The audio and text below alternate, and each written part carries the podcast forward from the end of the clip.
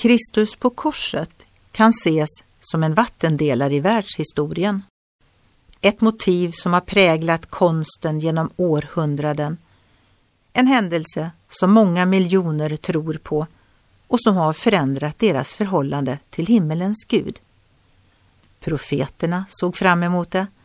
Präster och predikanter har skildrat det.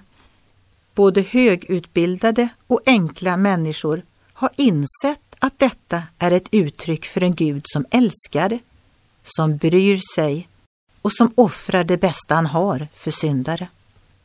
Psalmdiktaren ber Låt mig aldrig någonsin korsets trä glömma, som du, frälsningens förste, bar.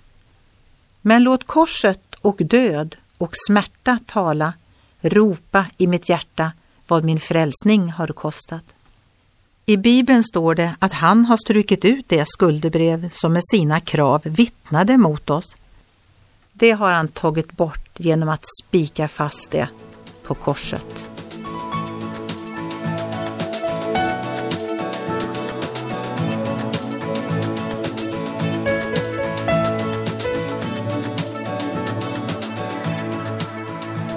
Ögonblick med Gud producerat av Marianne Källgren, Noria Sverige.